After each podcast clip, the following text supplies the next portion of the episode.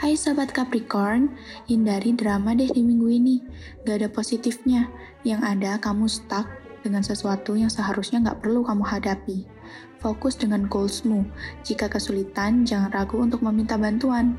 Keuanganmu stabil minggu ini, tapi jangan percayakan keuanganmu pada siapa pun. Kelola saja sendiri. Percintaan untuk Capri Lovebird. Hubunganmu dengan pasanganmu sedang baik-baik aja. Saling membagi postingan lucu dan imut bisa menjadi momen yang menyenangkan. Untuk sobat Capri yang masih single, jangan merasa sedih jika semua temanmu sudah memiliki pasangan.